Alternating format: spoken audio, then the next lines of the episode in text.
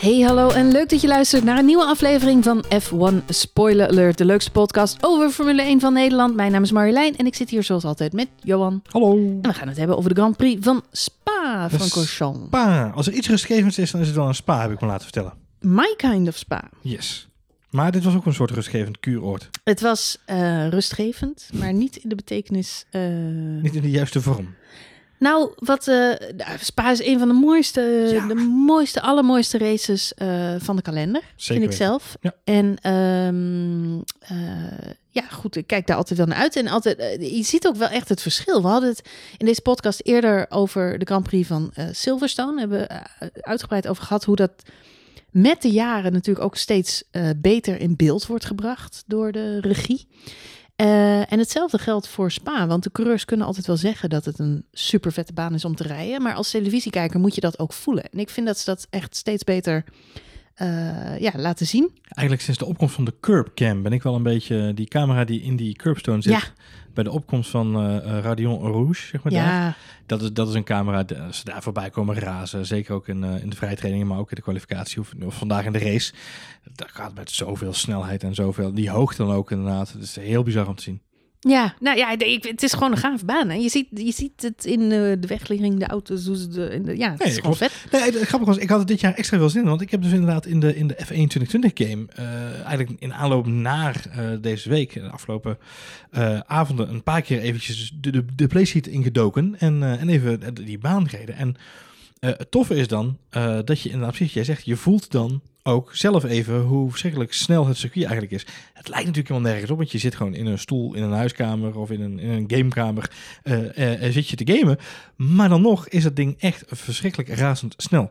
En, eh, en, en dan heb je ook net iets meer begrip als je dan de beelden ook voorbij ziet komen, dan heb je er echt een gevoel bij. Dus dat was wel mijn ervaring dit jaar. Dus ik had er echt heel veel zin in. Echt, echt heel veel. Nou, je hoort het ook aan de coureurs, hè, in, in alle interviews. Ja, en die weten het nog beter dan ik. Ja. Nee, god. Eh, nou, een van de meest veelzeggende dingen vandaag was natuurlijk eh, de crash. De crash van eh Giovinazzi. Ja. En eh, waarbij eh, Russell jammerlijk eh, betrokken werd. Laten we blij zijn dat het allemaal eh, goed afliep. Eh, nou kun je aan zo'n crash natuurlijk ook al goed zien hoe verschrikkelijk, verschrikkelijk hard het gaat. Want eh, het deed mij echt een beetje denken bijna aan een NASCAR-ongeluk. Dat je gewoon als een ongeleid projectiel... ehm, Die muur inklappen. ja, die muur. Ik, gewoon helemaal, er valt niks aan te houden. En we, nou goed, het ongeluk van eh, Antoine Hubert vorig jaar eh, weten we ook allemaal van dat, dat het grote eh, ja, eh, verdriet daarvan juist erin zat dat hij, dat hij zo'n ontzettend harde klapper maakte, maar daarna nog een keer werd aangereden. Dus je Ja. houdt ontzettend je hart vast als je weer zo'n eh wrakstuk ziet staan. Ik moet eerlijk zeggen, het komt ook niet meer zo heel vaak voor dat je een auto zo verschrikkelijk eh, aan gort ziet zijn. Dus Nee. alleen al daarom weet je eh, hoe hard die baan gaat. Maar ik vond het mooi dat George Russell na afloop van die crash in het interview zei... eh, nou, ik ben blij eh, met de Halo en dat, dat de, die band niet tegen mijn helm aankwam. Dat was toch, het was doodeng. Maar blij dat ik er goed vanaf ben gekomen. Maar ik baal wel, want ik had nu willen racen. Ja. Dus en, ja, goed, Lewis Hamilton die heeft ook in meerdere interviews gezegd... het is gewoon een van de allervetste banen om te racen. De Lennon Norris die stapte uit, geloof ik, naar de eerste vrije training... en die zei, wauw, weet je wel, Spa, dit, is- oh Ja. man, je, wil, je hebt dit gemist, je wil hier gewoon rijden, non-stop. Je wil hier altijd zijn. Ja. Ja, Hey. voor Max weten we het. Ja. Dat het zijn, eh, een van zijn, favoriete banen nou, is. zijn, ja. zijn favoriete Zijn baan favoriete is. baan, ja. ja. Nou, ho eh, hooggespannen verwachtingen dus. Ehm, maar ja, dat eh, kwam in de praktijk niet helemaal uit. Het was gewoon een dodelijk saaie race. Het is een beetje hetzelfde als met Spa, ehm, of met, sorry, met Spanje in dit geval. Is dat je van tevoren natuurlijk al allerlei verwachtingen kunt projecteren voor jezelf. Alleen we moeten ook heel eerlijk kijken natuurlijk naar hoe het seizoen is op dit moment. En dat, ja, dat, dat was natuurlijk ook vooraf al een beetje lastig. En dan, is er, dan zijn die vrije trainingen er. Dan heb je wat meer hoop, want dan, dan is het natuurlijk een beetje zo van... nou, gaat Mercedes misschien dit keer wel of niet eh, eh, er wel bij zijn? De banden zijn natuurlijk wel even spannend. Dus we verzinnen ook een heleboel dingen om het voor onszelf spannender te maken. Want als we allemaal goed kijken naar wat er gebeurt... ja, weet je, Mercedes zit gewoon te sandbaggen in die vrije trainingen. En die banden die houden het gewoon als het er niet toe doet op, op, 18, op 18 graden in, op Spa-Francorchamps. Dus en dan is, ja, dan is al die hoge spanningen die we hebben, is eigenlijk meer eigenlijk extern. Dus we zoeken het een beetje in, in de banden en in, en in de weersomstandigheden. Regendantjes doen met z'n allen. Dan dat we het echt naar de coureurs kijken en zeggen... oké, laten we eens gewoon even naar die auto's kijken... en naar die mensen die erin zitten. En wat gebeurt er nou eigenlijk al zes wedstrijden lang? Ja, dan, dan moet je iets realistischer zijn misschien. Maar ja, aan de andere kant, het is Spa. Het had toch gekund? Ja, het had zeker gekund, maar ik ben wel met je eens. Het begon allemaal al een beetje omdat de, de mensen afgelopen week eigenlijk non-stop aan het wensen waren voor regen. En het zou vandaag de hele dag gaan regenen. En nou ja, dat deed het niet. Het is uiteindelijk wel gaan regenen. Pas om zes uur s avonds. Er kwamen grote buien aan, maar daar hadden we helemaal geen klap aan, zoals wel vaker. Piet Paulusma hoeft in Nederland niet te gaan zoeken naar een vervanger, inderdaad. Nee, want de, me- de meeste amateur-meteorologen hadden het niet bij het juiste eind deze week. Nee, maar goed, eh, jij hebt gelijk. Eh, Dat mensen dat al gaan aangrijpen om toch tot een soort van spanning in dit seizoen te komen, is ge- veelzeggend genoeg. Jij doet nog steeds elke week dat, eh, het voorspelspel met ons luisteraar. Ik denk dat het gros van de mensen gewoon stevast elke week inzet op Hamilton op één. eh Valtteri Bottas op twee of drie en Max Verstappen op, op twee of drie. Dat Nou, is een gewoon beetje de mix. Ja. je kunt het uittekenen. En, da- en dat zijn de smaakjes die je hebt. En dat maakt natuurlijk wel dat dit seizoen, of in elk geval deze twee wedstrijden, nu behoorlijk saai waren. Want er is geen spel tussen te krijgen. Nee, nou ja, en eh, je, je hoort het ook natuurlijk na afloop. Eh, Max Stappen gaf ook al aan van het was een beetje een saaie race op deze manier. eh, want hij kon niet naar voren, hij kon niet naar achteren. Ehm, ondanks het feit dat, dat daar misschien nog wel wat meer speelde dit, dit keer dan andere keertjes. En zelfs Lewis Hamilton, die natuurlijk uitgebreid na afloop excuses maakt van ja, weet je, natuurlijk zouden we graag spannende races maken. Maar ja, zo, zo zit het op dit moment even niet in elkaar. En ons team werkt heel hard voor om te zorgen dat we juist wel met zoveel overmacht kunnen presteren. Ja, je keer kunt, je kunt Mercedes moeilijk kwalijk nemen dat ze zo goed zijn. Je kunt niet... eh. Ja, ik kan het wel proberen, toch? ja, nou ja, dat doen we ook allemaal wel een beetje. Maar ja, het is niet fair. En ik vind het wel grappig dat inderdaad Lewis Hamilton zich daar gewoon voor eh, ja, een beetje schuldig voelt eh, na afloop. Hij, hij zei trouwens ook dat hij een saaie race had gehad. Maar ja, ja. Het is, kijk- ze zijn gewoon eh donders goed. Ja, maar dominant is één ding. En, en, en dat is ook wel eens... We hebben het vaak genoeg gehad in deze podcast over het feit dat het ook mooi is om naar dominantie te kijken. Het is ook leuk om te zien dat één team eh, heel erg goed is eh, eh, onderaan de streep. Alleen die, die verrekte 1-2'tjes van, van Mercedes... Ja, daar waren we natuurlijk al een beetje op uitgekeken met z'n allen stiekem. En we hopen natuurlijk allemaal een beetje dat Max daar nog tussen komt porren. Wat voor mij ook een beetje meespeelt in ehm, de reden dat deze races zo saai zijn. Eh, en we gaan het zo nog even hebben over het achterveld hoor. Voor de luisteraars die niet zoiets hebben. "Oeh, Sorry race, sorry race. Ik heb een hele mooie race. in- genoeg. Ja. Er gebeurde genoeg in het achterveld. Ja, zeker. Daar gaan we het zo nog over hebben. Ehm, maar wat wel meespeelt, het is niet zozeer... Kijk, dat je een podium kunt voorspellen, is natuurlijk is jammer. Want het is leuk om nieuwe gezichten op dat podium te zien. Ehm, je root toch ook een beetje voor de underdog. En af en toe een beetje variatie is leuk. Elke week de driezelfde koppen daar. Ja, dat is, dat is, het is niet goed voor de sport. Maar wat voor mij nog meer meespeelde, dat is dat eh, strategisch zijn dit soort races ook niet interessant. Omdat, het, omdat je naar een eenstopper zit te kijken. En volgens mij, daar hebben we het ook al vaker over gehad. Als je een, een race met een eenstop pitstrategie is gewoon saai. En we zaten ook weer te kijken naar coureurs die heel veel met bandenmanagement bezig waren. En ehm, ik zag online nog wat mensen die zeiden... Oeh, Ricciardo die kwam nog op drie seconden van Max Verstappen in de allerlaatste ronde. Ja, dat kwam omdat Max Verstappen gewoon takken langzaam reed op het einde. Ja, die reed bijna Omdat vrij. Ja. Ja, omdat hij, omdat hij zijn banden aan het managen waren. Die had het echt niet laten gebeuren dat hij Ricciardo nog eh, langs zij had, had laten komen op het laatst. Nee. Ehm, maar ja, dat, dat wordt gewoon, alles wordt berekend. Alles in die races wordt berekend. Er was zelfs een berekening bij eh, Mercedes. Die hielden rekening met het feit dat Max Verstappen een twee-stopper zou gaan maken. En daarom kreeg Valtteri Bottas te horen dat hij een beetje door moest rijden. Want Max zat te dicht op Valtteri Bottas. En dan hebben ze dus een scenario klaar liggen van wat nou als Verstappen naar binnen gaat. Dan gaat hij verse bandjes halen, dan is hij super snel. Dan kan hij dus heel veel mensen nog inhalen. En op die banden zou hij dan ook nog Valtteri Bottas in kunnen halen. En om die reden kreeg Valtteri Bottas te horen, ga maar een beetje harder. Want dan zijn we uit die gevarenzone. En dat, vind, dat is zo irritant. Dat je, je merkt dat alles geplot is en uitgetekend en uitbedacht. En ja, de spontaniteit, is, de, de ruimte voor verrassingen is, is wel een beetje weg tussen Mercedes en Red Bull. Ja. Maar, eh, ja. Nou, ik heb dat toevallig laatst nog eh, in, in onze eh, Formule 1 nieuwsbrief, eh, die we ook in het Engels eh, uitgeven, nog een heel stuk over geschreven. Ook om, en dat ging ook over, eh, zijn, is er te veel data aanwezig op dit moment in de, in de paddock, eh, in de pitstraat? Hebben de teams te veel data tot hun beschikking? En een van de quotes die ik daarin ook naar voren liet komen, was naar aanleiding van de race in Spanje, waar natuurlijk Lewis Hamilton uitgebreid aangaf van, joh, we hebben echt te veel bandenmanagement toe moeten passen hier en niemand zit erop te wachten. En eh, Lewis Hamilton is iemand die heel erg dan de eh, schuld in de schoenen van Pirelli schuift. Mhm. Eh, en zegt van, joh, Pirelli moet gewoon betere banden maken, want dan hoeven we daar niet zo op te letten. En dan, hè, dan is het allemaal niet zo'n issue.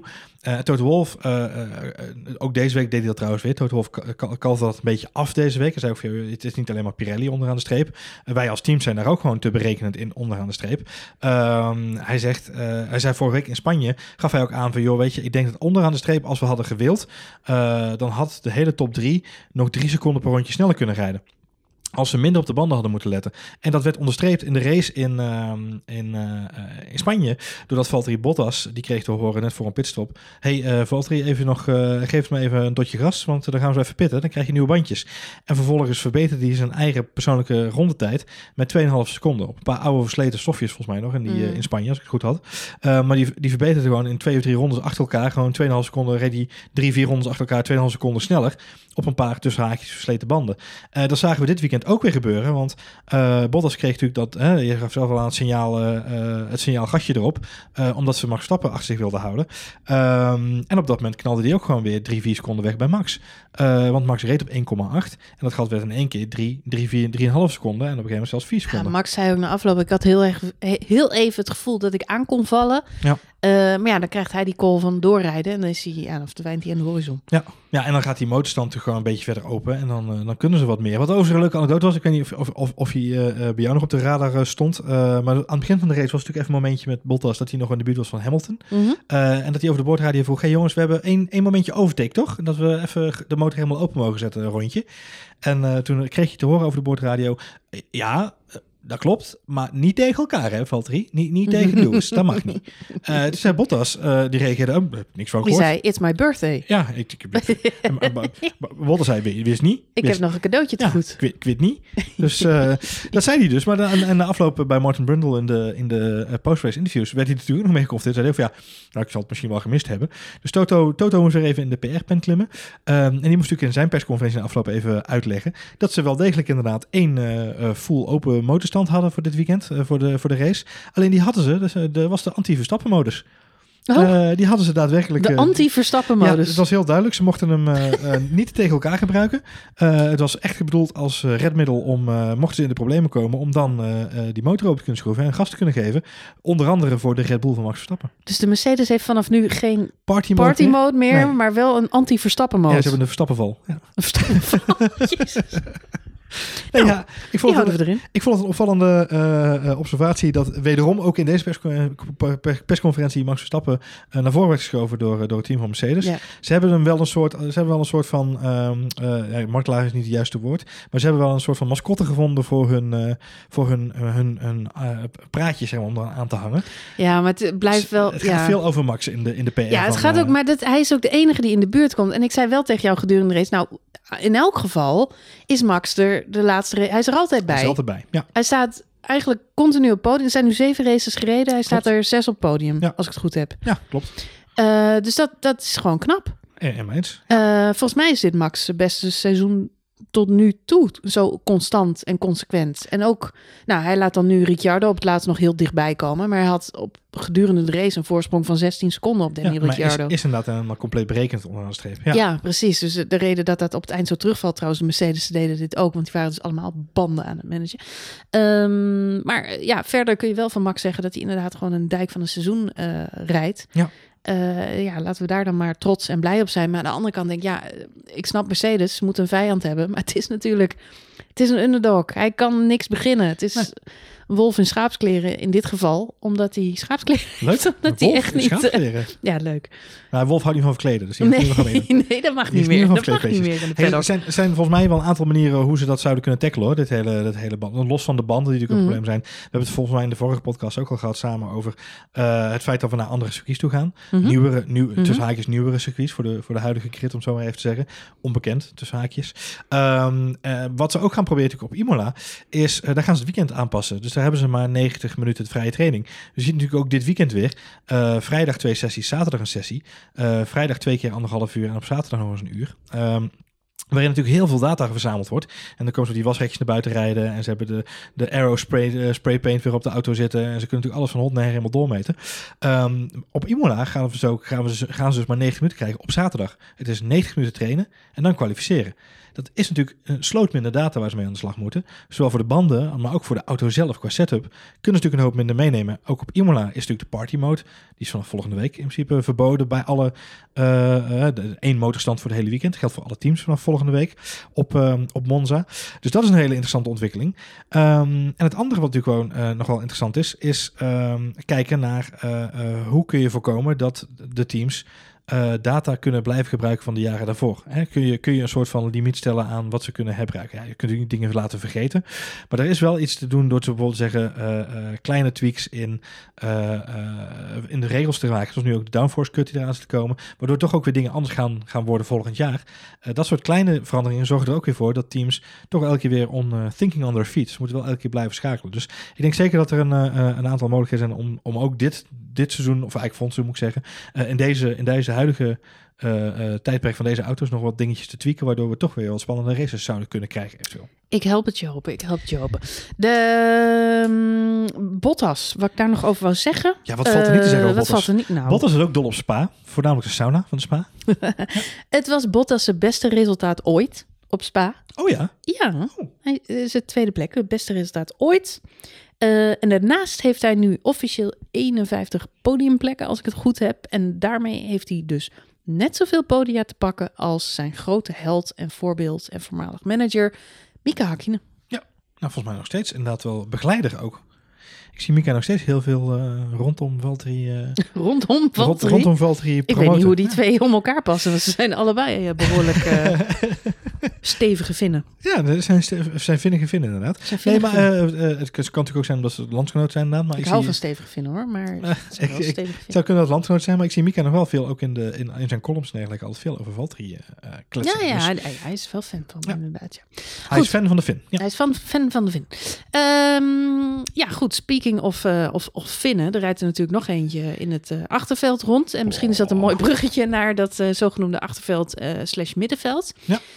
Kimi Räikkönen die had vandaag bijna zijn eerste punten van het seizoen te pakken. Maar ja. helaas ging dat feestje niet door. Hij Zonde, werd twaalfde. De koning van Spa. Ja, was, ja, nou het was echt zonde. Want hij, hij reed natuurlijk tien. vorig jaar had hij niet zo'n goede race. Toen klapte hij eraf samen met Max Verstappen in de eerste bocht.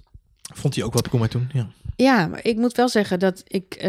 wat, wat soms jammer is, is dat inderdaad in het achterveld en in het middenveld is het wel spannend. Maar het wordt niet altijd even duidelijk in beeld gebracht door de regie. Nee, die hebben daar best wel moeite mee. Ja. Je mist ook wel veel dingen, terwijl je ook naar heel veel saaie uh, ja, stukken in de wedstrijd zit te kijken. Had jij dat niet? Ja, wat ze, wat ze, wat ze vaak, wat de moeite is van, van de regie, vind ik, en zeker op, dit moment, is gewoon de juiste gevechten eruit pikken die echt Mhm. voor de fans ook wat, wat doen, zeg maar. Kijk, um, uh, Norris Stroll is, is, een, is een leuk gevecht. Maar op het moment dat Ocon en Albon elkaar in strijd zijn, de fans hebben dan het gevoel, oh, Red Bull en Renault zijn elkaar aan het knokken ik, dus, ik, misschien praat ik alleen voor mezelf, maar ik wil dan liever zien wat daar gebeurt. Dan dat ik per se hoef te zien hoe uh, Stroll en uh, Norris samen vechten om P, uh, volgens mij P7 op dat moment in, het, in, in de race.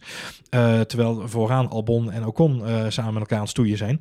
Um, wat uiteindelijk natuurlijk in de laatste ronde nog tot een, een cumulatie mm -hmm. komt. Um, maar ja, weet je, soms heb ik het gevoel dat de regie heel erg kijkt naar het, bijna scorebordjournalistiek zou ik willen zeggen. Oh, waar is het gat zo klein mogelijk? Dat is dan tussen haakjes misschien wel spannend. En daar gaan we dan snel heen, want dan kunnen we een inhaalactie in beeld brengen. Terwijl ze, het is misschien wel leuker om dan langer inderdaad ook Albon even te volgen dan Norris Stroll of uh, wat hebben we nog meer gezien, uh, wat, ik, wat ik een opvallende lang in beeld vond. Uh, Perez, Perez Vettel volgens mij inderdaad. was ook op een gegeven moment dat ik dacht, ja, die, die hebben we nu al gezien. Want iedereen weet dat Perez Vettel gaat inhalen. Weet je dat? Nou, wat ik persoonlijk, als we het dan toch even over regie hebben, wat ik persoonlijk echt heel jammer vind. de start is een van de spannendste momenten van de wedstrijd. Uh, het duurt natuurlijk altijd één of twee ronden, nou soms langer, voordat je überhaupt een, een replay van de start krijgt. Het heeft ermee te maken dat de eerste ronde vaak ook uh, spannend is, dus dat is prima. Maar als er dan ruimte is voor een replay, dan, dan krijg je meestal één of twee takes van de start. En bijna altijd van voren en dan een stukje van bovenaf, zeg maar de top 10. Terwijl juist in het achterveld heel veel wordt ingehaald, maar dat, zie- dat zie je nooit duidelijk in beeld. Nee, wat een beetje het verhaal is, en dat is, ehm, ik ben een beetje verwend door de Amerikaanse eh sporttelevisie soms. Tenminste, eh, niet alle Amerikaanse, maar ik, ik keek eh, en ik kijk met heel veel liefde altijd de NFL. Mhm. Dat begint binnenkort weer. en dat, dat is, waarom is dat? Dat is misschien niet de meest spectaculaire sport voor de meeste mensen, want het duurt heel lang. Maar wat heel tof is aan de NFL, is dat de commentatoren van dienst eigenlijk real-time een analyse maken van het spel dat gebeurt. Het voordeel van de NFL is dat ligt best wel veel stil. Dus daardoor Ik wou net kunnen ze- zeggen, dat gaat bij Formule 1 een beetje lastig, want elke keer stil te zetten voor een herhaling. Da- Maar da- maar daar kunnen ze wel vrij snel, kunnen ze, eh, tekenen ze met, met wat Mhm. natuurlijk in de Eredivisie, een paar jaar geleden was het in één keer de hype, dat we cirkeltjes ja, zagen. dat iemand en met paint en- een, een, een Precies. pijltje. Ja. eh, en bij Sky doen ze dat ook, hè, doen ze dat in de, in de Sky eh, cockpit, doen ze dat na afloop van de race, doen ze allemaal die analyses met het draaiknopje, een soort Herman Scherman die dan al Mhm. die beelden staat te analyseren.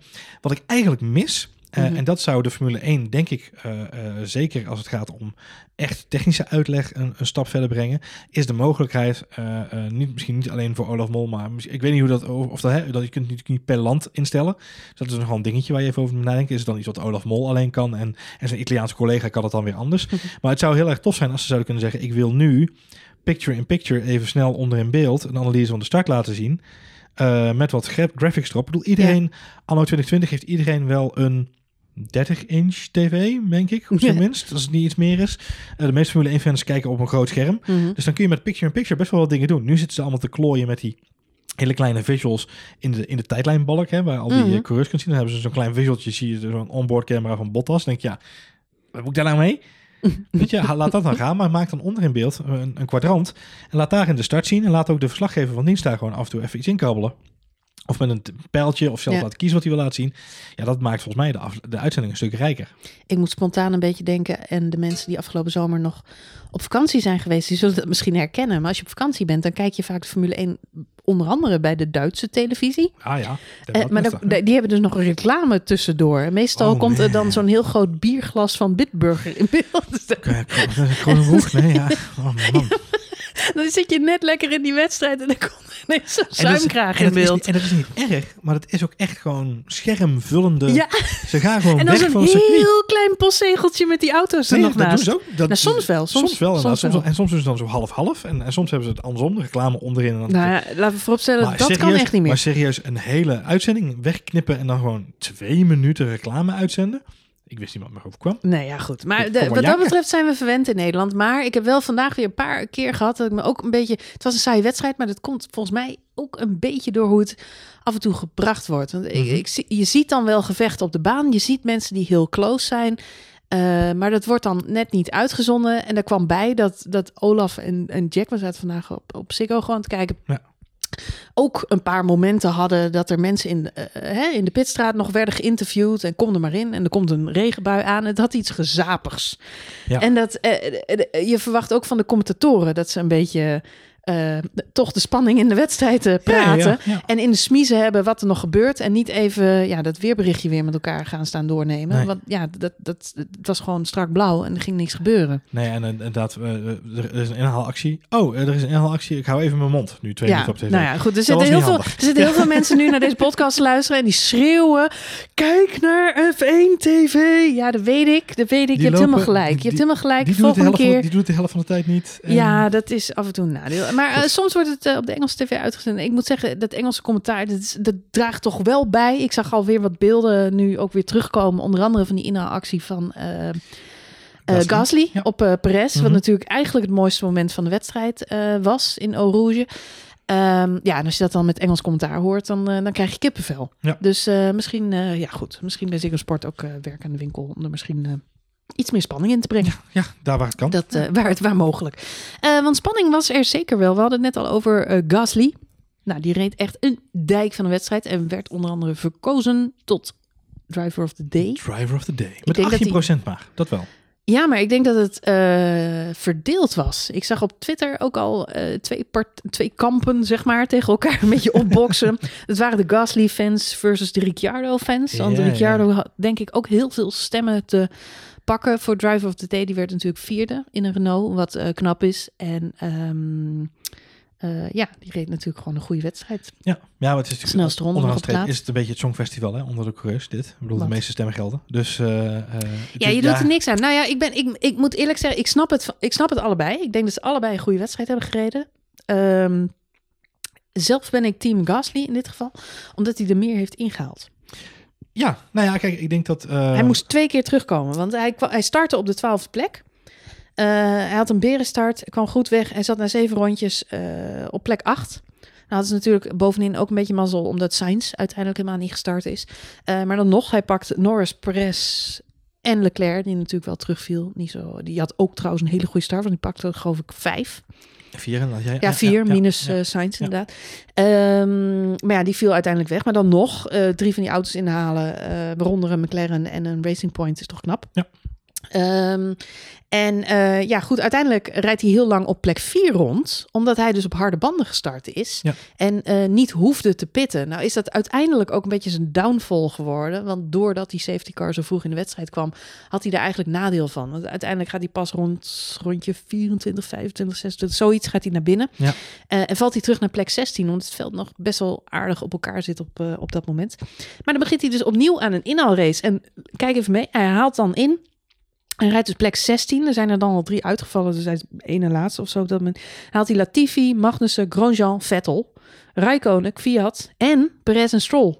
Weer nog in. Ja, ja. Om zichzelf naar dus een, eh, een achtste plek te rijden. Achtste plek te het, rijden, eh, Ja, je moet je dus voorstellen, Cool. als, die, als ze bij, want hè, het een is props aan Pierre Gasly, want die, die, die bestuurt dat ding. Het andere is eh, strategisch gezien eh, kleine props, klein, klein propje naar, eh naar Alfa Tauri. Die natuurlijk wel de keuze hebben gemaakt om op die harde band te zetten.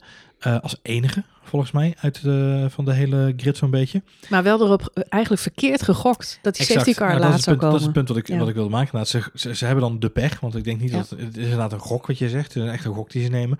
En, en ja, als je gokt kun je ook wel eens verliezen. Ze hebben dan de pech dat die safety car al zo relatief vroeg komt. Want moet je je voorstellen dat die safety car pas veel later was gekomen. Eh, dan had hij daar eh, eh, nog meer baat bij gehad. Dan had hij nog misschien al hoger kunnen eindigen, inderdaad. Ehm, ik, denk, ik denk, wat mij betreft, ik ben, ook niet per se team Gasly of, of team Ricciardo. Maar als je kijkt naar puur prestaties vandaag. ehm, ik denk dat iedereen er over eens was, die ik in ieder geval voorbij is gekomen online. en ook in de media, de eerste, de eerste reviews, dat Gasly gewoon een dijk van een race gereden heeft vandaag. En, en wederom zijn visitekaartje heeft afgegeven, ook aan het team van Red Bull natuurlijk onderaan de streep. Van jongens, hier ben ik, hoi. Ehm, eh, want ik kan nog steeds hele goede dingen in een hele snelle auto. Zeker, absoluut. En ehm, nou, dan hadden we, je, je, je, gooit hem al een beetje open de deur, maar dan hebben we nog Albon. Ja, die, die over open deur gesproken, ja. De deur staat wagenwijd open. Bij Albon. Het, het blijft lastig, want elke re- ja, ik hoort iedereen zeggen, ook op, op Twitter en eh, in het commentaar. En eh, eigenlijk zegt iedereen hetzelfde. Het is echt wel een goede coureur. Ja. Hij heeft eh, mooie inhaalacties, zo hier en daar, waar nodig. Het probleem van Albon is, ehm, eigenlijk zijn Albon en Bottas zijn een soort reversed engineered. De. Eh, Bottas is in staat om op zaterdag Hamilton echt vuur aan de schenen te leggen. Eh, Bottas is in staat om op, op duizendste of honderdste van, van Hamilton te kwalificeren. De net voor of de net achter, een van de twee. Maar onderaan de streep, bijvoorbeeld Bottas laat zich de afgelopen zes kwalificaties maar op eh, eh, 0,1 seconde afstand van Hamilton kwalificeren, gemiddeld, over alle kwalificaties. Dus die rijdt altijd een dijk van, van een zaterdag, feitelijk. Hij is in staat om dat toch iets uit te persen. Op zondag daarentegen mist hij vaak de scherpte of de, of de, de, de, de, de quickness, de, de width, de, de gochmes of zo verhaal zeggen, om, om iets meer uit die auto te persen. Eh, heel, als je kijkt naar Hamilton, die rijdt gewoon een heel stabiel seizoen. En die is gewoon heel veelzijdig als coureur. Die kan zijn banden managen. En die kan in slecht weer rijden. En in goed weer rijden. En die kan nog een, een, een, een, laatste trucje uit de hoog goed halen. En dat mist Bottas allemaal een beetje. En dat zijn zaterdagen zijn, zijn ijzersterk. En zijn, zijn race is vaak heel ehm eh, eh, bleu. eh, eh, eh, Hmm. niet, niet heel, niet heel eh, spannend, zeg maar. Hij rijdt hele, hele blanco races, zou ik bijna willen zeggen. Mhm. Andersom, Albon, ja, die heeft vaak op vrijdag en op zaterdag de grootste moeite om in de vrije trainingen die auto goed af te stellen, samen met zijn team. Eh, is, is vaak op zaterdag, op vrijdag zeker, de eerste sessies, zie je hem altijd worstelen. Op zaterdag perst hij er dan in de kwalificatie iets uit wat dan wel in de buurt is van, van, van oké. Maar vergis je niet, gemiddelde voor deze, dit weekend P9 kwalificatie, Albon. Dus die kwalificeert niet hoger dan P9 gemiddeld in de eerste zes races. Dat is gewoon niet best. Oeh. Ehm, en gemiddeld op eh, de 300 of 400, eh, 0 0,3, 0,4 van Max Verstappen af. Ehm, dus die, die heeft gewoon op zaterdag heeft hij gewoon veel meer moeite om die auto goed te krijgen. Op zondag daarentegen, reverse Bottas, is hij vaak degene die, nou, ik zei vandaag ook weer, big ball moves heeft hij wel laten zien. Eh, hij pakt op een gegeven moment een aantal keer, volgens mij pakt hij aan de binnenkant van uh, Lars de hairpin, pakt hij volgens mij eh uh, Ocon de eerste keer, als ik me niet vergis. Um, dus hij laat echt wel dingen zien op zaterdag, waarvan je denkt, op zondag sorry, waarvan je denkt, wauw, het is wel echt een goede coureur. Wat ook uh, um, David Coulthard zei toen wij uh, laatste keer op de Channel 4 zaten te kijken. Het grote probleem voor Albon blijft gewoon, you battle where you qualify. En dit weekend had hij voor het eerst dat hij in die top 6 kwalificeerde weer. En dat hij eigenlijk dat gevecht aankomt met de auto's om hem heen. Uh, in tegenstelling tot races waarin hij het gevecht aan moet met de, uh, de, de Renaults en de McLaren's. En, en dan pas een keer de Racing Points in de buurt heeft. En dit weekend is het dan even allemaal andersom. Moeten we het zo even over hebben. Maar weet je, dat is heel typisch dat hij nu eindelijk de kans had om daar te komen. Maar dan is de prestatie onderaan de streep. Mwah. Ja, maar aan de andere kant, Albon is in de race niet beter dan Max Verstappen. Nee, er zijn er maar twee beter dan Max Verstappen in de race. nee, nee, ja, maar ik, ik snap je betoog. Het is een vlammend betoog, dus hè, tuurlijk. Het, nee, je hebt gelijk, maar helemaal reverse. Het is geen helemaal omgekeerde Bottas. Want, nee. want Bottas is in de kwalificatie... In de, nou, hij pakt ook geen pols trouwens, dus hij is nog steeds de nummer twee van zijn team. Maar ik kan, hè, Albon doet het aardig in de, wet, in de wedstrijden. Hij komt wel terug... Maar ja, hij is vandaag ook weer zesde. Er staan gewoon twee Renaults voor zijn neus. Terwijl zijn teamgenoot weer op het podium staat. En ik... Hoe lang... Het is exact het, mijn punt. Het, is, het zijn het is... zeven races dit seizoen in. Maar hoe, hoe... En ik weet niet of het beter zou zijn als je Gasly in die auto zou zetten, hoor. Nou, dat is een beetje mijn punt ook inderdaad. Want als ik kijk naar de racecraft die beide heren laten zien. Ik vind dat Albon ook heel veel racecraft laat zien. Hij laat ja. heel veel inhaalmanoeuvres en op de juiste Als je hem ziet verdedigen in, tegenover Ocon, en vandaag ook. Uh, niet de meest spannende dingen ter wereld uh, van de afgelopen, hè, maar dat zijn de dingen waar je dan op gaat letten in zo'n spannende race, bedoel ik meer. Uh, dan zie je dat hij, hij heeft Ocon drie, vier ronden in de DRS op het, op het, het rechte stuk. Um, en dan remt hij elke keer toch een fractie van een seconde later. Hij moet dan ja. als racelijn af, hij moet insturen. We zagen toevallig in, vandaag in de race, in de uh, Formule 2 race, voor de Formule 1 uh, wedstrijd, dat dat ook gruwelijk mis kan gaan als je niet goed timed en niet goed instuurt en niet genoeg kracht zet op die rem. Dus uh, hij laat elke keer wel zien, hij heeft echt wel verstand van autoracen, gelukkig. Uh, dat is niet het probleem. Ja. Um, dus de, ik vraag me inderdaad ook af of het dan alleen maar uh, racecraft is. Want weet je, Gasly laat vandaag fantastische dingen zien, maar dat doet Albon eigenlijk evenredig ook wel. Ja, eens. En laten we niet vergeten dat Albon op, op het laatst sowieso op een andere strategie reed dan heel veel andere coureurs. Want hij had op het laatst gewoon... Uh, hij, zat op, uh, ja, hij zat op medium banden. Ocon die had uh, die hards, die begonnen net op stoom te komen. Ja. dus daar was gewoon geen houden aan. En ja, hij kon er nog een paar ronden erachter houden. Maar uiteindelijk is het knap dat hij Norris nog achter zich heeft weten te houden op die, op die gele banden. Ja, ja. Maar, Goed waren ze niet meer op, de, op het laatst. Nee, maar die hards hadden ook wel veel te verduren gehad. Dus ja, ik vind, nou ja, goed. Ja. Ik vind het gewoon heel lastig inschatten. Wat Renault heel goed gedaan heeft ja. dit weekend, is die auto gewoon kakstrak afstellen voor dit circuit. Ja. Um, dus dat, is een beetje de Red Bull-strategie, hè? Just, voor, uh, voor Oostenrijk en Monaco. En dat is een twee seizoenen geleden. Exact dat. En dat is een beetje waar ik bij Albon. Ik denk dan wel bij mezelf, op basis van waar je in zit, het materiaal wat je tot je beschikking hebt. En de mensen die je om je heen hebt. Um, had Albon vandaag, uh, even los van een ontketende Daniel Ricciardo, had hij die vijfde plek wel moeten weten te behouden, feitelijk. Ja. Uh, je start vijf, finish dan ook vijf met die auto. Bedoel, hm. Het is natuurlijk, hoef je niet in de buurt te komen van je teamgenoot, want dat doet niemand op dit moment. Uh, dus het, voor jou zal het dan net zo lastig zijn. Maar je bent wel de eerstvolgende persoon die daar aanspraak op zou kunnen maken om er in de buurt te komen. Want je zit in dezelfde materialen, zeg maar. Dus Mhm. mm -hmm. uh, los van de ontketende Ricciardo, weet je, die was fantastisch vandaag, vond, vond ik ook. M maar die ook, weet je, had eigenlijk wel voor ook al moeten eindigen vandaag. Ja, kijk, we kunnen wel stellen dat voor het constructeurschap allemaal niet zo heel veel uitmaakt dit seizoen. Um, het feit dat Albon zo laag rondrijdt, want um, ja, Mercedes staat gewoon op eenzame hoogte. Die hebben geloof ik inmiddels 264 punten. Jezus. Die staan gewoon helemaal los. Ja, ja. Red Bull Racing heeft er bij, nou, uh, ja, meer dan 100 minder. Die staan op 158, waarbij 110 daarvan van Max Verstappen zijn ja. en 48 van Albon. Dus Verstappen heeft meer dan twee keer zoveel punten als teamgenoot. Uh, maar ja, McLaren heeft er pas 68. Die staat derde in het kampioenschap. Ja, ja die gaan never nooit niet uh, daar overheen. Dus wat dat betreft hebben ze Albon niet nodig. Ze missen hem niet nee. uh, voor die tweede plek in het constructeurschap. Het wordt gewoon ja, dus gelopen wedstrijd dankzij Max Verstappen, die gewoon Ja. heel consistent daar op het, eh, op het podium staat. Maar ja, aan de andere kant, ja, de- eh, volgens mij is het niet wat Red Bull op de lange termijn wil. Dus eh, ik moet wel zeggen dat ik vandaag voor het eerst weer de, de, de optie in mijn hoofd had. Dat ik denk van ja, het zou eigenlijk heel logisch zijn als volgend jaar eh, Albon en eh, Gasly samen bij Alfa Tauri rijden. Want dan kun je echt het onderlinge verschil zien. Ik denk dat die twee coureurs echt heel erg aan elkaar gewaagd zijn. Want ik ben wel met je eens, ze zijn allebei pure racers. En qua inhaalmoves vind ik ze allebei heel erg tof om naar te kijken. Dus ik, ja, ik denk echt dat die eh, ja, misschien wel gelijke klassen zijn.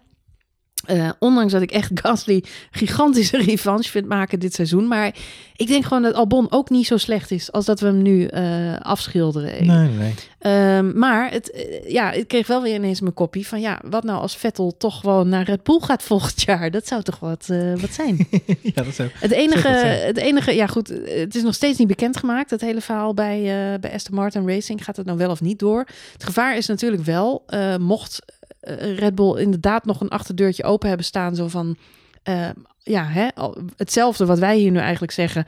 Albon en Gasly zijn leuk, maar je wordt er geen wereldkampioen mee. Eh, het, helpt, het draagt niks bij aan de doelstelling om eh 1 tweetjes te pakken, podia, wedstrijden te winnen. eh, en echt Mercedes te verslaan. Want daar hebben ze wel eh, echt een coureur voor nodig die erbij is.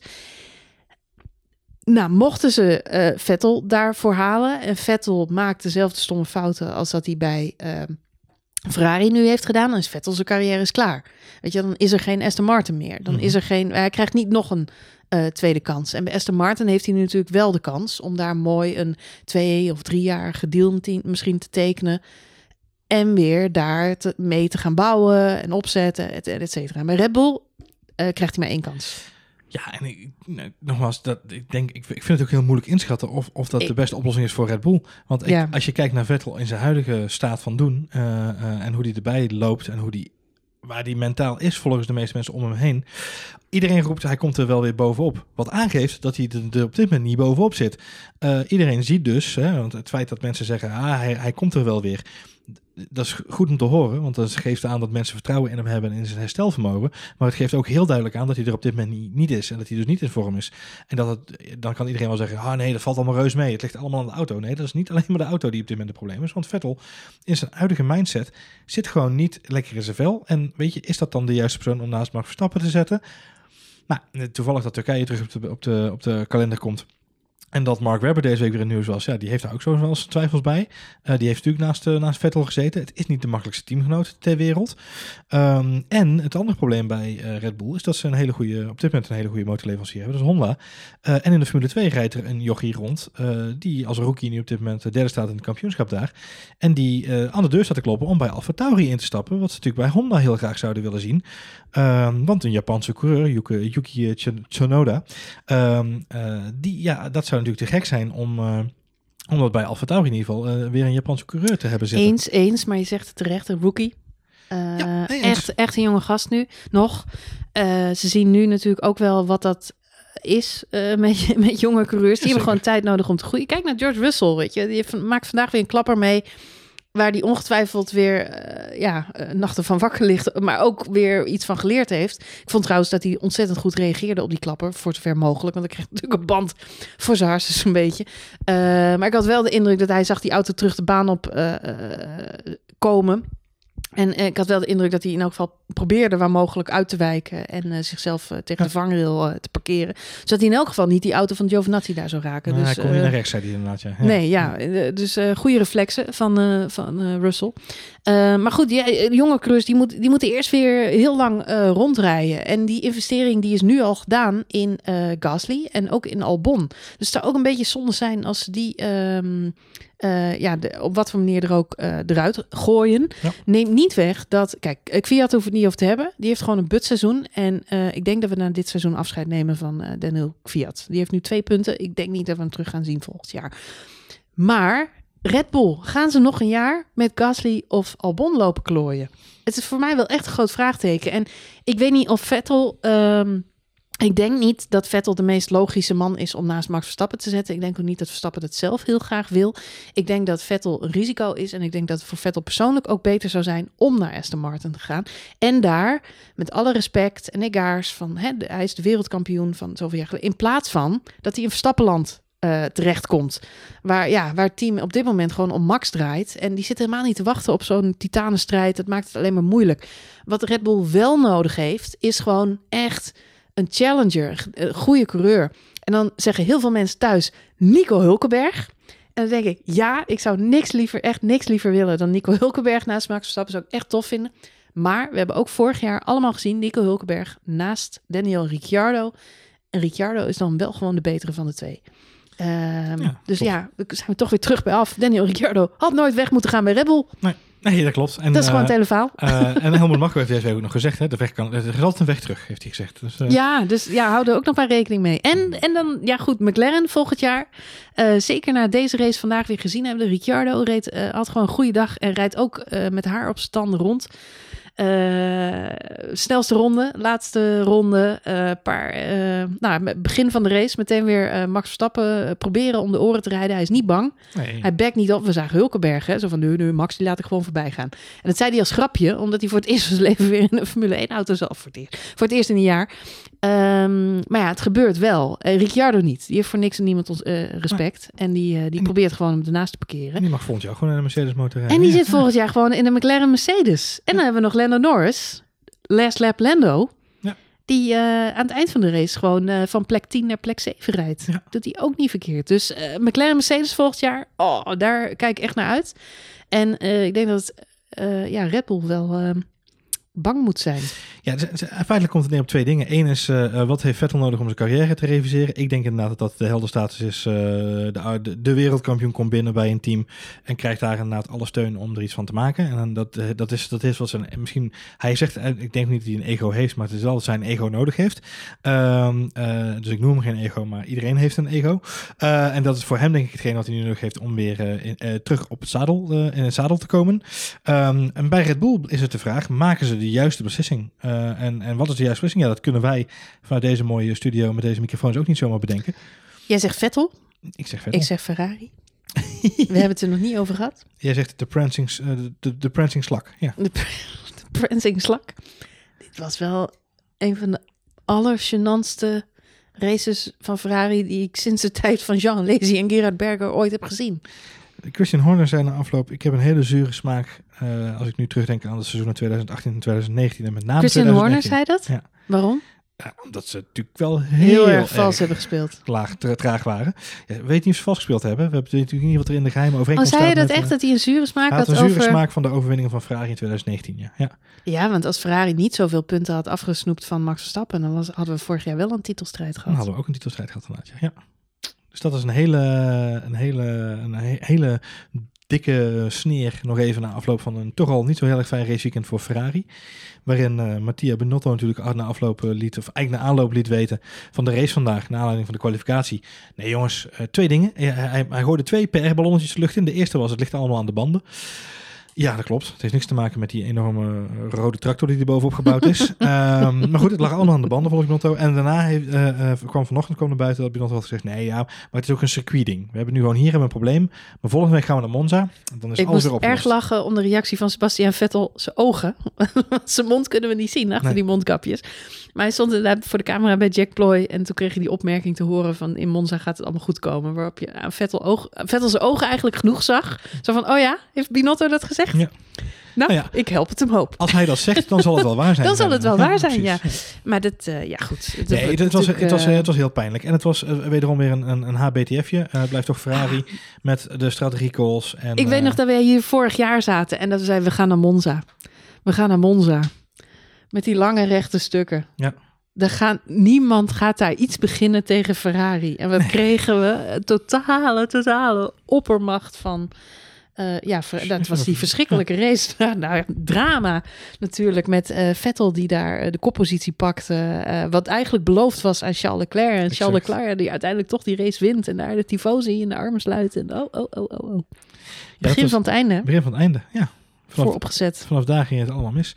Nou ja, diezelfde Leclerc had vandaag ook gewoon de pech en, eh, en eh, had een goede start. Eh, maar je, je ziet gewoon terug aan Ferrari, die zitten gewoon niet, letterlijk niet in de wedstrijd. Nee, ja, strategisch de- niet. ze rijden tegen de muur op. Dat is, dat is letterlijk de, de metafoor die stevast gebruikt wordt. Die auto gaat niet op het rechte stuk. Hij, het is gewoon alsof, alsof je wind tegen hebt.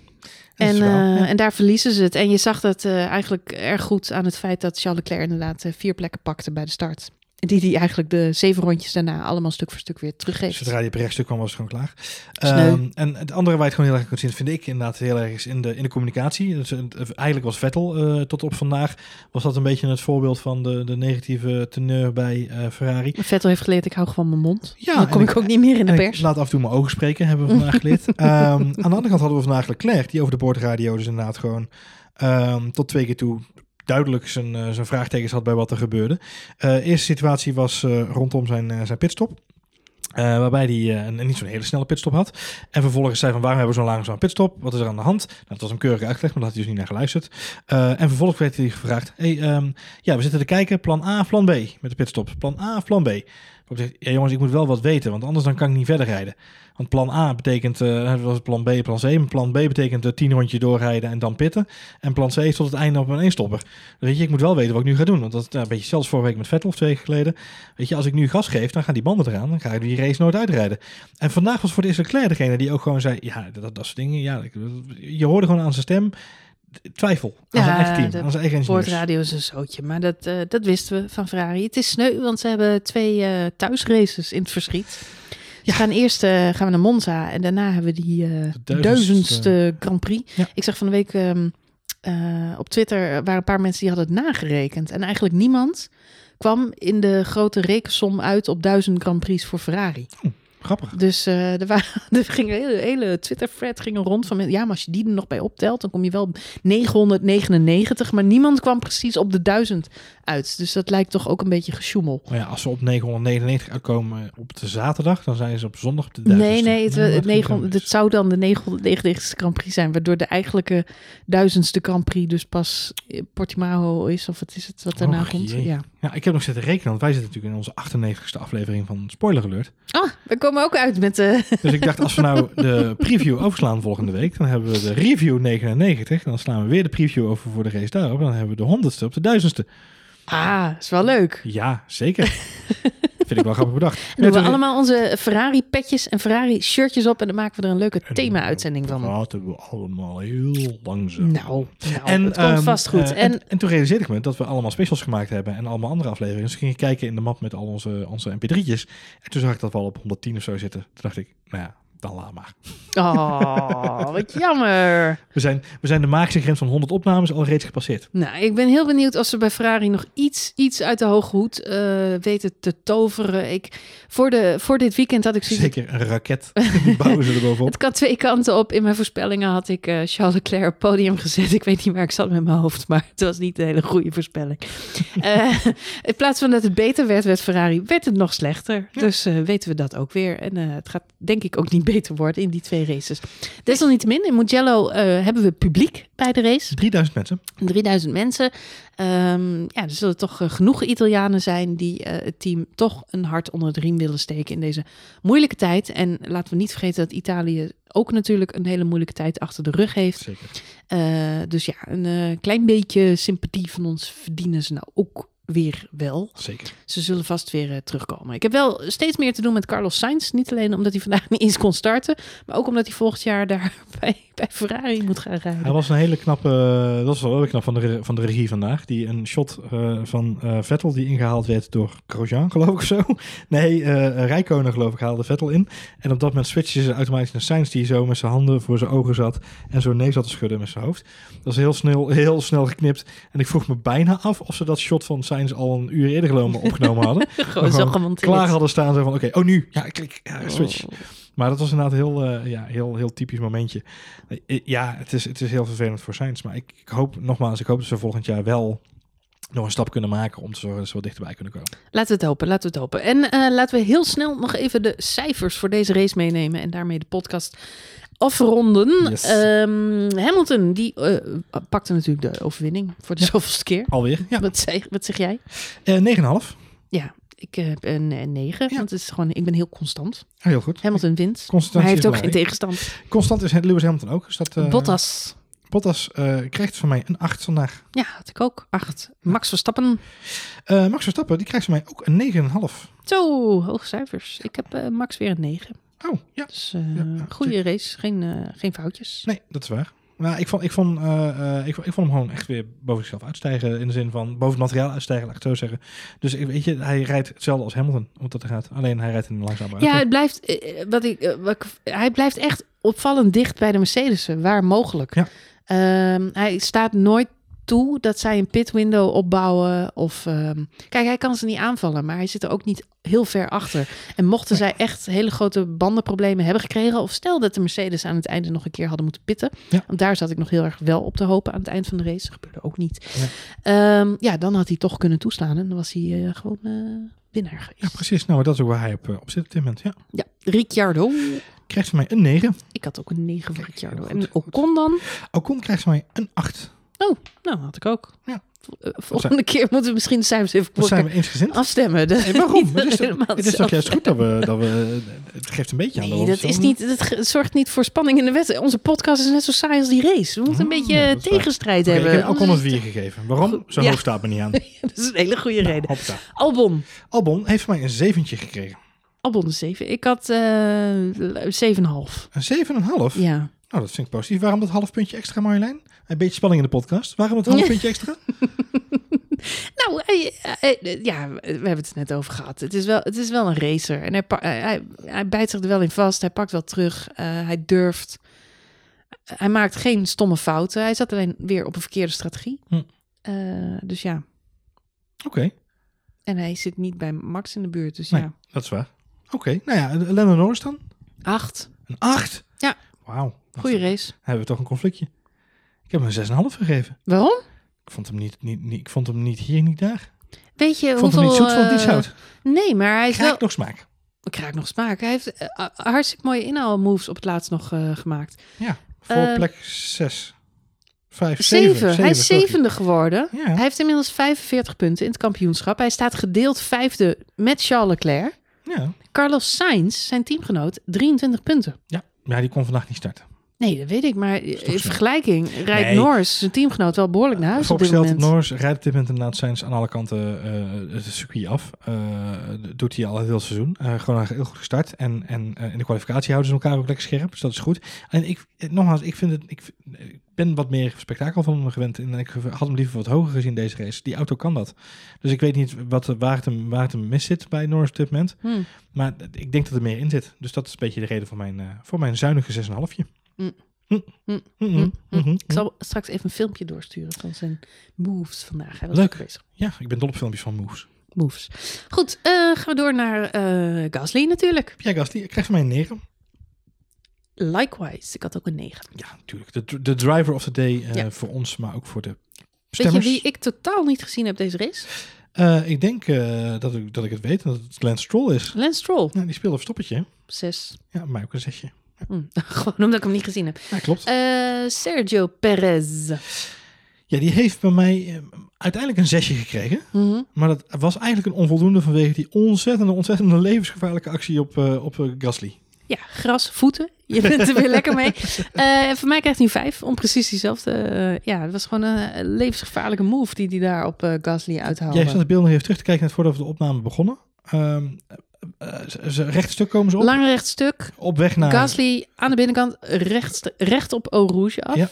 Dus omhooggaande daar. Ja. En ehm, ja, Perez die drukt hem tegen de muur. En als ze getoucheerd hadden, ja, ze gaan zo knetterknijter. Ze gaan 320, 3, 325 bijna daar. Dus het is, als je daar elkaar raakt, Ja. dan heb je een klap waar, ja, waar je akelig Voor van wordt. act van inderdaad, ja. ja. Dus laten we blij zijn dat het niet gebeurd is. Maar het was wel onverantwoord van Perez. En het is echt al de zoveelste keer dit seizoen dat Perez zo, zo'n klein incidentje heeft. Hij heeft ook al meerdere straffen te pakken. Ik krijg toch de indruk dat Perez een beetje gefrustreerd rondrijdt. dat zou kunnen. en dat zal alles te maken hebben, toch misschien wel met de Sebastian Vettel situatie. Nou, het is ook niet de eerste keer dat Perez dit doet, hè? Want we, we hebben Nee. Perez in een teamverband gezien met Ocon samen. En Ja. eh, daar waren menig uh, touches die er echt op uitkwamen dat Perez iemand in de hoek duwde, zeg ja, maar. Dus nasty, nasty moves. nee, het is geen, eh, geen eh, vrolijke snuiter af en toe. Nee, Nee. Daniel En zeg je mee. Ik had een 7. Hij reed aardig, maar uiteindelijk valt hij wel buiten de punten. Ja. Ehm, maar goed, hij, ze- eh, laat niet vergeten dat de AlphaTauri's niet zo goed gekwalificeerd waren. Hè? Maar hij wordt eerst Ehm, beter gekwalificeerd dan zijn teamgenoot eh, dit weekend. Precies. Ja. Eh, dus eh, ja, goed. 6 toch, om eh, 1 voor Gasly. Ja. Kimi Raikkonen. Krijgt mij een 7. Ja, ik had 7,5. Want Kijk, eh, ja. hij zat eh, toch eh, lekker erbij en eh, behoorlijk aan het eh, vechten daar in de achterhoede. En hij weet van al dat grut, al dat spul daar achterin, weet hij zich toch altijd naar voren te manoeuvreren. Of Ja. het nou de Haasen zijn of zijn teamgenoot of de Williamson. Raikkonen is dan toch eh, leader of the pack daar achterin. Ontzettend zonde dat hij de vandaag geen punt heeft gehaald. Ja. Oh ja, nou hadden we ook nog eh, in die achterhoede de Ferraris rondrijden, wat altijd Precies. grappig is. Vettel en Leclerc krijgen van mij allebei een 6. Ja, bij mij ook. Ja. Eh, Ik heb, kan er weinig van ik zeggen. ken er weinig van. no- Neither here nor there. Ja. Nee, ja, ze zat ze gewoon niet mee. Maar aan hun eh lag het in die zin niet, want ze hebben wel aardig gereden. Misschien zou je kunnen zeggen dat Leclerc nog ietsje meer had verdiend, omdat hij bij de start natuurlijk eh, eh, behoorlijk wat eh, mensen inhaalde. Hij had wel echt een goede start. ja, maar andersom. Vettel die zag je gewoon uit ervaring denken, ja, laat maar zitten, het heeft geen zin. Hm. We vallen toch terug. Nou ja, dat, dat wil ik net zeggen. Andersom gezien eh, zat Vettel eh, er strategisch veel, veel slimmer in. En heeft hij al een aantal keer over de boordradiogroep... jongens, we moeten nu even een pitje gaan maken... want anders word ik links en rechts ingehaald door iedereen. Eh, I'm gonna get eaten up was zijn laatste quote over de boordradio... die we nog hebben gehoord op de, op de, op de uitzending, tijdens de uitzending. Maar hij was heel mondig met zijn pitcrew aan het overleggen... van, joh, ik zit nu op een paar harde banden. Als ik hierop moet blijven rijden, prima. Maar dan, weet je, ik rij hem uit... maar dan word ik opgeslommeld. Ik vind, je merkt aan Vettel echt heel erg dat hij geen enkele zin meer heeft om het team op wat voor manier dan ook te helpen. Nee, hij doet zijn huiswerk en dan is het wel eens een beetje klaar. Ja, hij doet wat hij moet doen, maar hij gaat ze echt niet meer wijzer maken dan nodig. En het geeft ook wel aan dat, hoeveel hij nog eh, bijdroeg aan dingen als eh, strategie en inzicht in de auto. En ik vind ze nu nog cluelesser. Si- Sinds Vettel ontslagen is, vind, vind ik ze nog eh, onzekerder in, in racestrategie. Ja. En het klopt gewoon niet meer. Ze doen maar wat. Het is heel En- fijn om te zien dat Vettel gezegd heeft... oh, je denkt dat je zonder me kan? Nou, ja, zal ik- precies. Zal ik, je ja, dat even nou, laten zien? Zoek er maar uit. Ja. Maar het klopt van geen kant. Nee. En Leclerc die is daar ook een beetje de dupe van, helaas. Nou, eh, Grosjean ook weer niet gezien. Zes. Geen idee wat hij deed. Latifi, zes. Magnussen, zes. Ik heb ze niet gezien. Nee, allemaal zesjes. Allemaal zesjes. En dan nog eh Giovinazzi. Ja, die geef ik toch een, echt een dikke vier. Eh want zo'n crash mag niet gebeuren. En het gebeurde vorig jaar ook al. Het was niet de eerste keer. Het is niet zijn circuit, hè? En Nee. het, nou ja, buiten dat. Maar hoe vaak hebben we Giovinazzi nu al niet van de baan zien eh, tetteren? Meestal niet in de race, meestal in de vrije training. Ja. Maar hij is toch altijd degene die gele of rode vlaggen veroorzaakt, omdat hij hard eraf tettert. En Ja, ik eh, hoop toch niet dat ze bij Ferrari van zins zijn om die jongen ooit in een Ferrari te zetten. Want dat zou echt een nog grotere schande zijn dan wat we nu meemaken. En zeker als je ziet dat er in de Formule 2 rijdt onder een, eh, onder een Ferrari-vlaggetje aan jeugdig talent. Dan zou je dat, die toch eerder Ja, een kans geven weer. Dan, eh. Hij krijgt maar een zesje, maar dat heeft alles te maken met het feit dat hij wel degelijk een oké weekendje draaide. En op weg naar boven was. Hij was al bezig, degelijk bezig met een goede inhaalrace. Eh, maar had gewoon, ja, een, domme fout zou ik het niet willen noemen. Maar gewoon de pech dat hij daar zo te, te, te grazen wordt genomen door, de, Ja. door het circuit. Letterlijk en figuurlijk. Ja. Russell. Krijgt maar een zesje. Ja, ik had ook een zes. Hij reed best een aardige race, maar ja, het was natuurlijk na elf rondjes al afgelopen. Dus je kunt er Ik niet heel ik- veel van zeggen. Ik had gehoopt dat Russell nou langer erop was gebleven. Met name omdat ik het idee had dat Russell voor het eerst eh, eh, dan ook inderdaad een gevecht had kunnen gaan met Grosjean, eh, sorry, Leclerc en Vettel. En, en had hij misschien zichzelf wat verder omhoog kunnen rijden naar misschien wel plek 13. En, en dat zou toch wel voor zijn doen een hele goede prestatie zijn geweest. Dat zat er helaas vandaag niet in. Nee. Nou, dan eh, gaan we afronden. Ja, Science, daar kunnen we geen punten voor geven. Want die is niet eens, heb je eh, ook een zesje? Ja, die hadden, was allemaal gehad. ja, eh, ja. nog gehad. Allemaal niet uh, En belangrijk. Sainz hebben Hey. geen punten. Nee. Nee, ja, die, eh, die mag niet eh, meedoen. Was wel aardig gekwalificeerd. Dus, Ja, eh, nou ja, van, van de, volgens mij van de eh, twee McLaren is het beste. Ja. Zevende volgens mij, ja. En Lando tiende. Dus Precies. dat was wel... Verschilletje. Um, ik heb bij de coureurs trouwens ook even streepjes gezet. Ik heb een kleine voorspelling wie we niet meer terug gaan zien in 2021. Ik ben even benieuwd wat jij oh. daarvan uh, van nou, denkt. Roep zo, roep zo. Ik heb er vijf Waar ik Vijf die echt- we niet terug gaan zien? Nou ja, waar ik echt over twijfel, dat ik denk, ja, eh, eh, weet ik niet of die blijven. Het zou ook betekenen dat we vijf stoeltjes vrij hebben. Even ervan uitgaande dat de overige 15 dus blijven rijden. Dat Vettel dus ook nog ergens een onderkomen vindt. Ehm, en betekent wel dat we bijvoorbeeld eh Hulkenberg weer eh, terug zouden kunnen halen. Mhm, En natuurlijk wat jij al zegt, een hoop nieuw talent. Maar laten we beginnen met eh, waar ik over twijfel. Nou, Giovinazzi, Ja. hebben we net al over gehad. Mhm. Ik eh, geen idee waarom die nog eh, rondrijdt eh, daar. Het enige nadeel is de andere coureur waarvan ik denk dat hij helaas de sport gaat verlaten, is eh, Kimi Räikkönen. Ja. En dat zou betekenen dat ze bij Alfa Romeo ineens zonder twee coureurs zitten. Twee lege auto's. Ja. Ja, en eh, ja, geen idee wat ze, wat ze daar dan eh, neer moeten gaan zetten. Behalve inderdaad twee coureurs uit het juniorprogramma. En dat zouden dan onder andere Mick Schumacher en Zwartman. Zwartsman. Ja, ja. kunnen Ja, zijn. Kunnen zijn, maar dat is wel heel vroeg hoor. En zeker Zwartsman die is volgens mij ook nu pas vanuit Formule 3 doorgeschoven naar Formule 2. En eh, van Mick is het altijd een beetje dat hij gaat testen, dat hij er gaat komen, staat volgens mij voor iedereen buiten Ja, maar ja, aan de andere kant George Russell. Laat ze maar rondrijden. Ja, we- weet je wat het is? Ehm Giovinazzi zit daar met de reden. Giovinazzi is namelijk de Ferrari-stoel die Alfa Romeo, of in dit geval Sauber, hè, want Sauber is Mhm, natuurlijk het team. mhm. Eh, Alfa Romeo is maar een naamsponsor. Eh, maar uh, Giovinazzi zit op een stoeltje wat Ferrari geclaimd heeft. Eh, de vraag is eh, of Sauber eh, gaat zeggen... dat stoeltje hebben we niet meer nodig volgend jaar. Ik denk namelijk dat ze dat stoeltje wel degelijk liever laten vullen... door iemand van Ferrari en daar een, een, kortingje voor krijgen op de motor... dan wel eh, eh, nog een sponsor bij dragen links of rechts. Dus dan zou het voornamelijk alleen gaan om een stoeltje van Rijkonen. Uh, en daarvan verwacht ik eerlijk gezegd wel dat dat inderdaad uh, vacant wordt, dat het leeg uh, komt te staan. Daar zou ik dan heel graag wel een Hulkenberg zien inderdaad, ja. ja. Eerder nog dan een, dan een junior. Oh? Ja, ja. Hm. Nou ja, maar kijk, Sauber is onderaan streep, ze hebben wel gewoon de punten nodig. Ze moeten wel gewoon uh, prestaties leveren. En als de Ferrari ervoor kiest om Giovinazzi te laten zitten volgend jaar, die kans achter vrij groot. Um, omdat ze op dit moment even niet anders kunnen en niet willen. Schwartzman en um, Schumacher zullen denk ik nog een jaartje F2 gaan rijden volgend jaar. Um, om ze nog een jaartje extra raceervaring mee te geven. Dan zou het maar niet Niks zit er al een tijdje toch?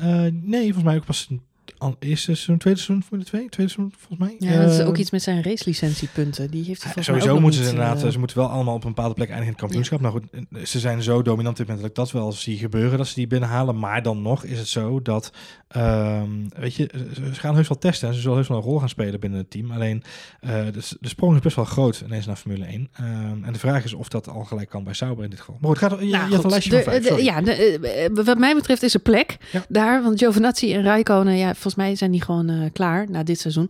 Alhoewel ik wel zeg, als, als ik Rijkonen zie rijden, dan denk ik, hij heeft er nog steeds wel plezier in. Niet, niet in het rijden in het achterveld, maar hij geeft het wel. Zijn gezicht straalt ook al plezier uit, vind ik, ja. Nou ja, nee, maar hij, geeft, hij, hij zet wel zijn beste beentje voor. Zeker. Uh, ja. hij, rijdt, hij gaat niet uh, achteraan uh, lopen rijden als het niet hoeft.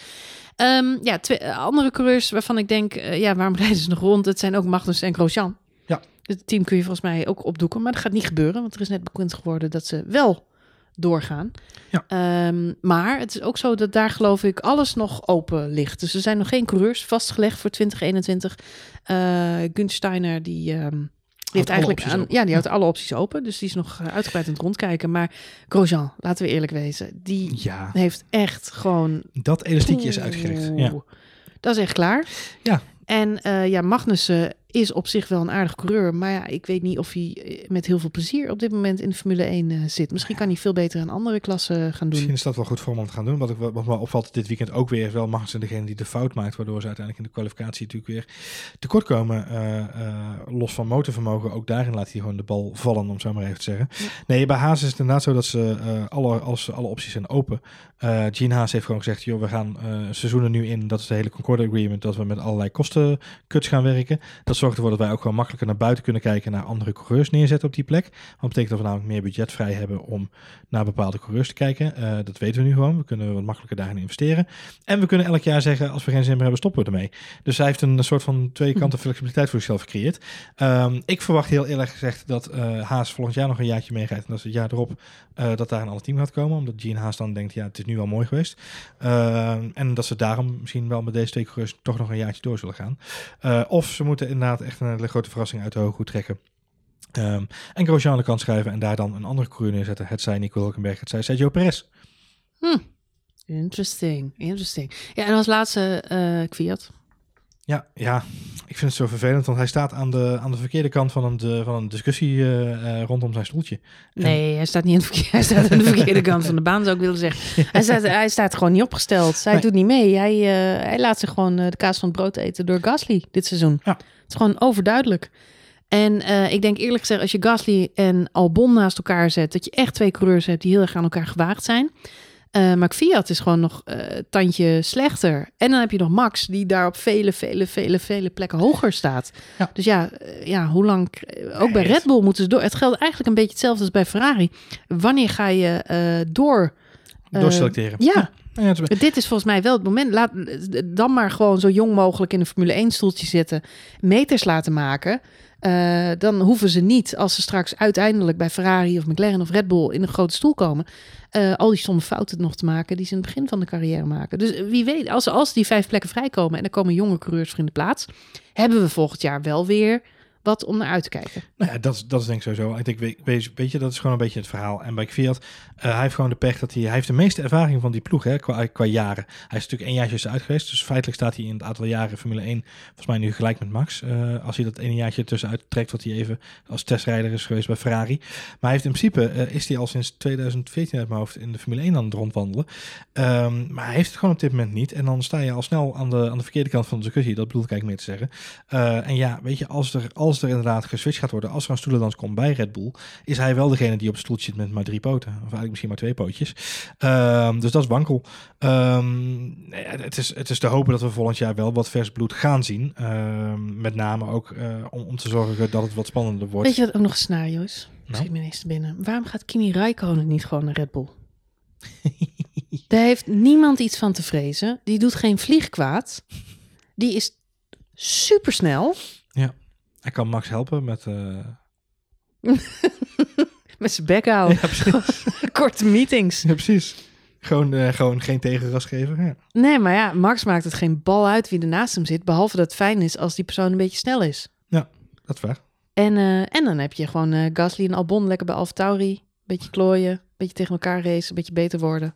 Ik weet niet hoe goed de Red Bull connectie nog is van Rijkonen. Hij heeft natuurlijk een jaartje rally gereden onder de Red Bull. Het zou wel Dus, eh, te grappig zijn. Ja, te grappig. Het is een scenario wat volgens mij nog niet zo vaak Ah, overigens hebben we natuurlijk één plek minder al sowieso te vergeven volgend jaar. Want eh, Alonso die komt terug. Ja, Fernando. Dus eh, we hebben al een nie- nieuwe, nieuwe import in de sport, wou ik zeggen. Maar dat kun je van Fernando Alonso ook niet zeggen. Die is is nog al- ouder dan Kimi. Er is nog iemand afgestoft die die Ja. erbij komt. Ja. Nee, hij is niet ouder. Kimi is ouder Kimi is volgens mij. Ja, maar het scheelt maar een jaartje. Maar goed, dan hebben we twee veertigers rondrijden. Zou toch leuk zijn? Ja, Ik hoop dat Kimi blijft. ik zou, ik zou het ook heel leuk vinden als Kimi blijft. Ja.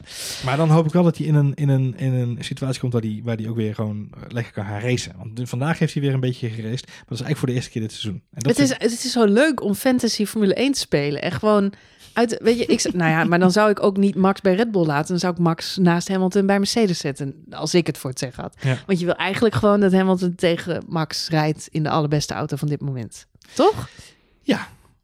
dat is waar. Ja.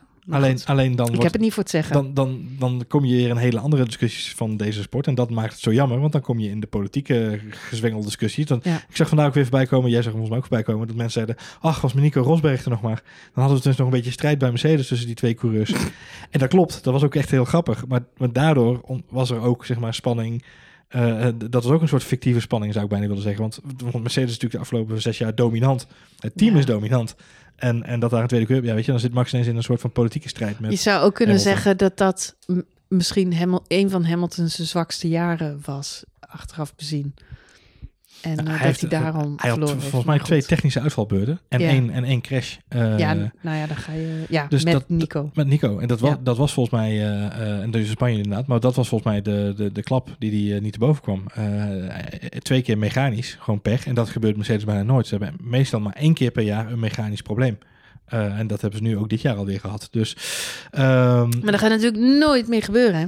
Nico Rosberg, nee, die Nee. wordt een wereldkampioen. Lewis Nee. Hamilton, die gaat dat nooit meer laten gebeuren. Dus eh, al die weaknesses, die zijn nu gedicht. Zo ziet het wel uit. Maar ooit komt er toch een dag dat hij, dat hij minder moet worden. Er moet toch ooit een moment komen dat hij inkakt. Ja, maar dat gaat dit seizoen niet gebeuren. En, Nee, en als, en als corona blijft rondhangen, gaat het volgend jaar ook niet gebeuren. Want het grote probleem op dit moment is dat Lewis Hamilton maar één focus heeft in zijn leven, dat is Formule 1. Ja, want hij heeft ook niks meer te doen. Hij hoeft niet meer naar de modeshows in nee, Milaan en Parijs. tijd zat nu. Hij hoeft niet meer eh, cd's op te nemen met Christina Aguilera. hij eh, hoeft niet meer naar New York naar zijn tweede huis om daar even lekker rond te wandelen in de suburbs. Hij wordt alleen nog maar beter. Dus hij kan zich volledig focussen op de sport. En ja, weet je dat eh, vanuit een puur sportief perspectief bezien, het is wel een hele prestatie die hij levert hoor, de afgelopen weken, maanden. Ja, Absoluut, absoluut. Goed. Goed, we gaan afronden. Voor een saaie race hebben we nog best een lange podcast gemaakt, joh. zeker. Ja, maar dat kunnen wij. Kunnen wij. Wij kunnen wij Goed. kunnen van een kort verhaal een mooi lang verhaal maken. Nou, ik hoop dat mensen hem weer op eh, ietsje, pietje extra snelheid hebben afgespeeld. Dat zou kunnen. Of eh, ja, het, is natuurlijk, eh, de vakanties zijn weer afgelopen, dus de files zijn er weer. Dus zwaai Dat even naar je buurman en buurvrouw links en rechts. Ik hoop dat je Of- inmiddels op je werk bent. Als je in de trein zit, zwaai even naar elkaar. Maak een knipoogje, want de mondkapje moet natuurlijk opblijven. Doe even een zwaaitje naar elkaar. De week is weer begonnen, jongens. En het is raceweek. Dat is En altijd goed het is- nieuws op maandagochtend. Het is weer raw ziek, zoals we bij Mercedes, bij Ferrari zeggen. Ja. Goed, we gaan naar Monza. Volgende week alweer. Eh, we gaan nog even kijken of we voor gaan beschouwen. Ik denk het wel. Ja, het ligt Eh, eraan of we hangt een beetje vanaf. Ja, Ja, hangt een beetje vanaf of we een honderdste Grand Prix Als tijdens de duizendste Grand Prix van 100 de op 1000 podcast. van doen, de, dit is een hele rare Eh, rekensom. Anyway. Goed, eh Grand Prix van Monza volgende week zondag. En daarna gaan we nog naar Mugello. Dus we hebben weer heel veel races in het verschiet. Laten we hopen dat die allemaal nog wat spannender zijn dan vandaag op, op Spa. En ja, dat Verstappen daar misschien toch nog een potje kan breken. Dat kan niet anders, Marjolein. Anders heb ik gewoon aanstaande... eh, eh, aan het eind van deze maand heb ik mijn belastingaangifte voor 2021 en 2022 al gedaan. Als het zo doorgaat. Ik kan alleen maar beter. Wil je reageren op deze podcast? Dan kan dat natuurlijk via Twitter naar Johan Voets. Marjolein, Ed Marjolein met de lange ei. F1 Spoiler Alert, Ziggo Sport En TV. Sportcafé. en erop Campus. En erop door het bos. Nee, het reageren kan gewoon daar waar wij zijn. En natuurlijk onze fantastische leuke Telegram chat. Yes. Of laat een review achter in de App Store of een van de andere podcastmogelijkheden waar je reviews achter kunt laten. Heel erg bedankt voor het luisteren en heel graag tot volgende week bij de Grand Prix van Monza.